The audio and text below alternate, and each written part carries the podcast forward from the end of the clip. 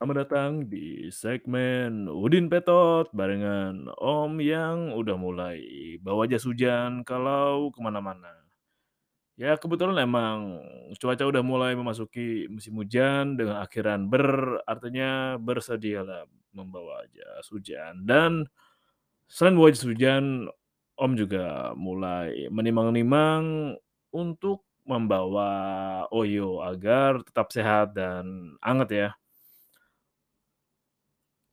Dan selain itu juga Om selalu menyediakan angmer saset. Biasanya sih kalau udah badan udah mulai greges-greges, nggak enak sih, ya Om udah mulailah mendekati dispenser, mulai menyediakan air-air panas. Karena emang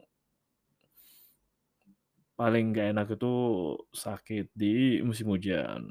Selain mau ngapa-ngapain nggak enak, mau cari keringat juga susah.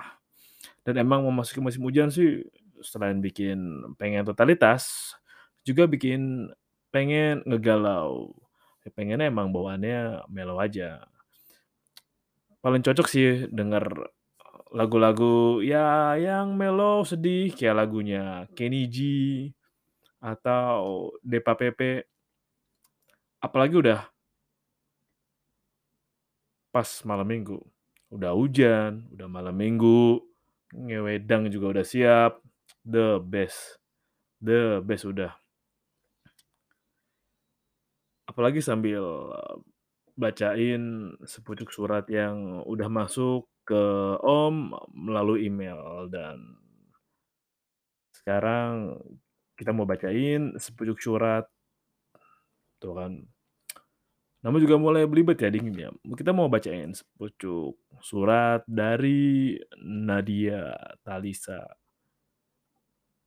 Kalau dipikir-pikir tuh Nadia Talisa ada singkatannya ya.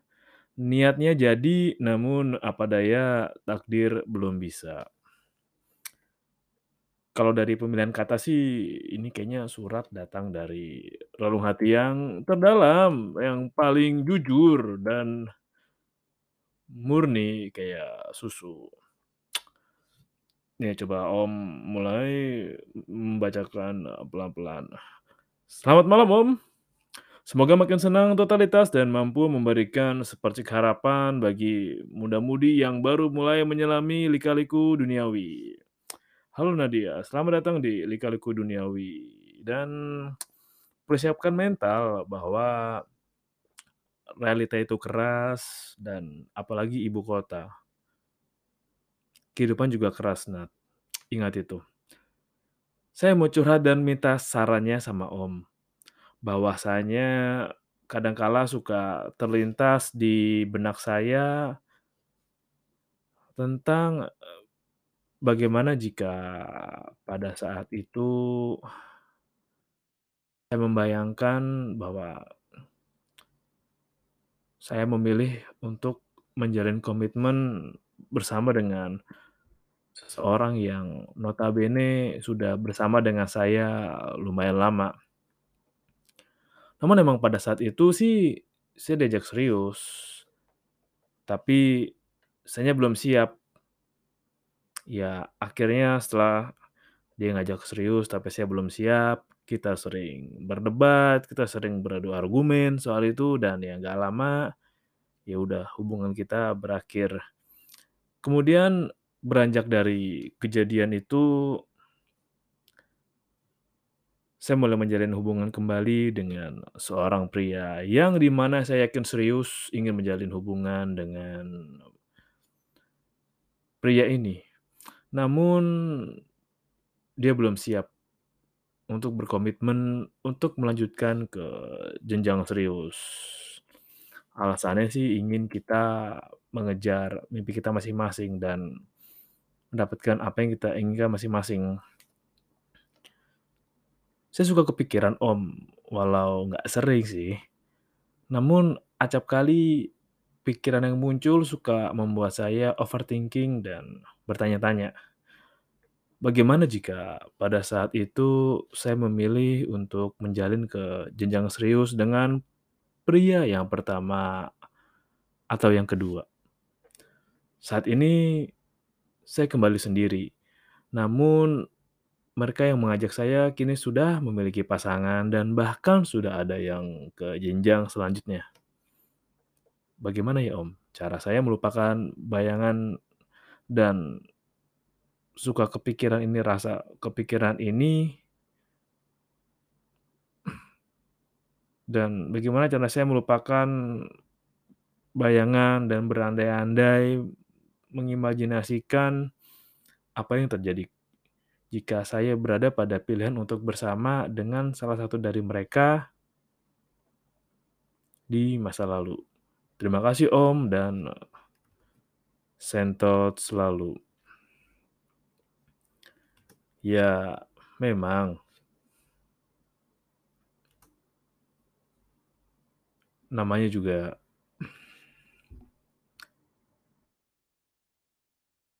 mencoba menelaah dan mencerna mengenai apa yang terjadi karena juga Om punya cerita dari teman sejawat Om dan teman ya teman kolega Om lah. Tapi pasti ada kalanya kita suka membayangkan apa yang terjadi dengan hidup kita kalau kita memilih menjalin hubungan dengan orang itu, apalagi dengan orang yang sudah bersama dengan kita sejak lama dan sudah mengenal kita luar dalam, mengenal keluarga kita, kelebihan dan kekurangan kita. Dan menurut Om ini juga kejadian sih, nggak cuma cowok, cewek pun juga kejadian. Jadi pasti adalah saat-saat itulah kita yang sekarang itu terbentuk dari cerita, dari pengalaman-pengalaman yang terjadi dari kita dari masa lalu ke sekarang. Jadi buat kalian para serdadu sentot yang mendengarkan, kalian bisa mendengarkan ini pun karena ada diri kalian dari masa lalu yang mengalami banyak hal, mengalami percintaan yang naik turun, mengalami fase naik turunnya kehidupan, maju mundurnya karir, usaha, bisnis, pertemanan. Kita yang sekarang emang dibentuk dari serpihan-serpihan pembelajaran dan cerita masa lalu yang bertumpuk satu demi satu dan membentuk kita sekarang. Dan kalau menurut Om sih wajar aja kepikiran, karena bagaimanapun kan ketika kita menjalin hubungan seseorang, berarti kita memiliki bayangan atau seenggaknya keinginan bahwa kita ingin meneruskan hidup kita dengan dia. Kita ingin menikmati hidup bersama dengan dia dan menua bersama dia. Karena memang pikiran yang terlalu panjang itu bisa menyakiti diri kalau tidak dilandasi dengan rasionalitas. Makanya memang terkadang orang tuh suka nggak rasional ketika lagi jatuh cinta. Yang mulai dibilangin dablek, yang dibilangin semaunya sendiri. Sudah jelas-jelas dia bersama dengan orang yang salah, orang yang toksik, orang yang suka gaslighting, dan kadang suka ghosting. Yang paling buruk dari semua itu ya orang yang mengandalkan pasangannya sebagai sapi perah atau dieretin. Pun juga begitu ada sebaliknya untuk cowok yang di suka diperetin sama ceweknya. Dan memang ada fase di mana kita berat untuk melepas seseorang karena seseorang itu sudah terlalu lama dengan kita. Tapi kembali lagi ke pertanyaan dasarnya, apakah memang dia yang terbaik? Bukan masalah soal lamanya, tapi soal bagaimana kecocokannya. Ya, ada juga sih, ya Om tahu ada beberapa orang yang saking lamanya ya mereka terbiasa bersama, lama-lama terbiasa. Ya meskipun ada hal yang bisa dibilang cukup mengganggu, cukup toksik, tapi memang karena sudah terbiasa bersama, enggan untuk enggan untuk meng-upgrade diri, untuk membuka diri, mungkin karena terlalu nyaman. Dan apa yang terlalu memang nggak baik, terlalu nyaman, terlalu sayang, terlalu dramatis, mungkin ya terlalu melebih-lebihkan, itu emang tidak bukan tidak, malah nggak bagus. Ujung-ujungnya yang rugi memang kita sendiri. Pun begitu ketika kita membayangkan dan kalau dari cerita teman Om sih bahwa bisa jadi justru memang baik ketika kita enggak menjalani komitmen bersama dengan dia, bisa jadi. Nah, itu memang bagaimana dilihat dari perilaku atau kriteria pada pasangan kita saat itu. Makanya, kan ya kalau ada yang cerita, bagaimana sih cara memilih pasangan? Dan ini Om yang pelajari dari sebuah video kayaknya di YouTube deh, cuma Om lupa deh YouTube. Om kebanyakan isinya ngebahas soal nuklir, konspirasi. Ya, jadi Om pernah baca bahwa ketika mau mencari pasangan perlu dibuat checklist atau list-nya sendiri. Dimulai dari checklist apa yang wajib ada atau harus ada, apa yang wajib ada, tapi kalau nggak ada, nggak apa-apa. Terus apa yang nggak ada, tapi kalau ada itu baik, dan apa yang nggak boleh ada. Memang harus punya checklist-nya sendiri, karena pasangan kita pun akan menentukan bagaimana kita ke depannya. Mengenai usaha kita, bisnis kita, perjalanan kita, mimpi kita, bahkan ke mental health kita. Om suka mewanti-wanti dan mengingatkan bahwa menikmati waktu bersama orang yang susah diajak berkomunikasi itu sulit. Apalagi menjalin hubungan dengan orang-orang yang memilih atau mengharapkan pasangannya mampu membaca pikirannya, atau membaca pikiran si pasangannya itu. Itu emang sulit dan berat. Tapi sekali lagi, kadang memang ketika lagi jatuh cinta, logika pun ya mandek, nggak ke mana-mana. Kalau cara menanganinnya ketika kepikiran bagaimana jika kita bersama dengan orang itu bayangkan apa hal-hal baru yang kita pelajari setelah kita berpisah dengan dia. Apa hal-hal baru yang kita pelajari atau kita peroleh setelah kita lepas atau berpisah dari dia. Kalau memang list-nya banyak, itu baik, artinya memang bel belum atau bukan dia yang cocok sama lo.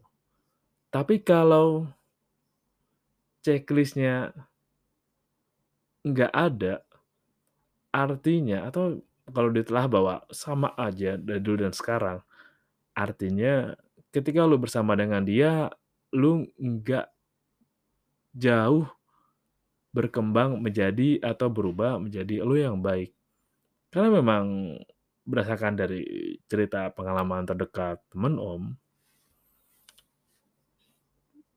membayangkan kita bersama dengan dia di masa lalu dan jadi sampai sekarang tentu mindset kita yang sekarang dan dulu pasti akan berubah jika kita bersama dengan dia seandainya dengan mindset yang dulu pun sekarang bisa jadi tetap dalam mindset yang lama. Padahal itu cara berpikir yang salah, cara mengambil keputusan salah dan bersikap yang salah. Kadang memang kita tuh belajar memperbaiki diri, mengenal diri setelah kita kecewa, setelah kita terluka. Ya ibarat anak bayi yang baru belajar jalan, tentunya setelah ada pengalaman ada terjatuh, terbentur, kejedot, kepleset, tiba-tiba jatuh, barulah anak bayi pun bisa melangkah pelan-pelan sendiri. Dan untuk prosesnya memang tidak ada jalan pintas. Tapi pasti setiap dari kita ada bayangan apa yang terjadi kalau seandainya gue sama dia waktu itu. Apa yang terjadi kalau misalkan gue bisa sama dengan dia sekarang. Bisa membayangkan punya keluarga kecil yang harmonis, mencicil rumah bersama, membangun mimpi bersama. Mungkin, mungkin kalau memang dia orang yang cocok sama lu dan lu berpisah karena keadaan yang atau hal yang nggak bisa lu kendaliin. Seperti dijodohin. Susah kan kalau dijodohin kan. Pun berlaku dengan berbeda keyakinan. Itu akan sulit. Meskipun bisa tapi sulit untuk proses ke sananya. Kalau emang bisa, wow, Anda hebat. Dan ya pasti ada. Kebetulan juga dari obrolan Om dengan kolega yang bilang bahwa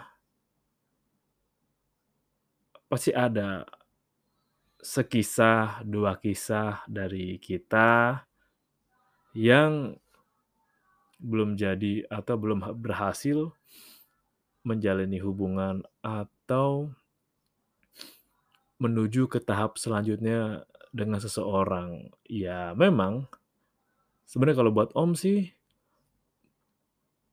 bukan membayangkannya, tapi lebih ke penasaran apa yang terjadi kalau kita meneruskan atau melanjutkan hubungan dengan dia. Dan karena memang ini seperti manusia memang dipenuhi rasa penasaran. Ini seperti membayangkan bagaimana manusia menelusuri rasa penasaran mereka. Pun kalau memang keadaannya baik atau yang ditemukan baik, maka menjadi baik. Kalau tidak, tentunya menjadi PR sendiri. Dan salah satu hal yang paling menyebalkan dan membuat kita rugi adalah menjalin hubungan dengan orang yang salah. Orang yang salah, yang toksik, yang suka menyalahkan, suka ke ya main tangan mudah, apalagi suka slot. Wow. Akan sangat beresiko memang dan kalau menurut Om juga untuk mereka yang nggak jadi dengan kita pasti ada hikmahnya, pasti ada alasannya kenapa saat itu belum jadi atau bahkan nggak jadi. Untuk melupakan proses yang nggak jadi itu emang nggak mudah. Kadang membuat kita tertekan secara mental, secara psikis, pun juga bisa mengguncang jiwa kita karena bagi beberapa orang, terutama wanita, mereka ada sesuatu yang sakral, sesuatu yang penting, apalagi ada beberapa kejadian di mana ketika sudah saling sepakat satu sama lain, saling udah nyebar undangan, keluarga udah saling kenal, tiba-tiba prianya menghilang atau ada kabar mendadak bahwa si selingkuhan atau pria ini selingkuh sama wanita dan sudah hamil. Ada kan kejadian gitu dan semoga itu nggak terjadi sama serdadu Om. Pasti ada rasa penasaran, ada rasa unfinished business. Ada perasaan yang menggantung bahwa seharusnya kita bisa bersama, tapi saat itu memang keadaan belum mengizinkan. Entah karena ego kita, entah karena orang tua kita, latar belakang kita. Dan ketika orang yang kita penasaran seperti apa jika kita bersama dia dan kini dia sudah berkeluarga ya Belajar melepaskan dan belajar ikhlas adalah hal yang baik. Pun dia sudah bahagia, belajar bahagia, mencoba mencari bahagia, belajar menciptakan bahagia dengan orang yang dia pilih untuk bersama. Dan meskipun itu bukan lo, tapi pasti ada alasannya. Dan coba untuk berpikir baik bahwa alasannya itu baik dan pasti suatu saat akan terasa manfaatnya. Entah 5, 10, atau 20 tahun lagi. Dan biasanya ketika ada untuk gak kepikiran mereka-mereka yang nggak jadi dengan kita, pasti ada unfinished business-nya. Memang sih solusi yang paling baik adalah meminta maaf dan menyelesaikan apa yang belum sempat diselesaikan. Karena pasti rasanya nggak tenang. Dan hidup dengan perasaan nggak tenang, perasaan gelisah dan rasa bersalah, atau rasa penasaran yang belum terjawab, itu akan bikin nggak nyaman dan kadang suka atau sering kali terlintas aja di pikiran. Lebih baik minta maaf, lebih baik cari tahu rasa penasarannya atau ungkapin aja apa yang harus diungkapkan, kemudian pamit pergi. Itu sih Nadia, tips yang bisa Om kasih. Semoga bermanfaat dan semoga menemukan pasangan yang bisa diajak serius dan pasangan yang mengerti lu seutuhnya, baik kekurangan maupun kelebihan lu. Terima kasih udah dengerin segmen Om dan sampai jumpa di lain kesempatan.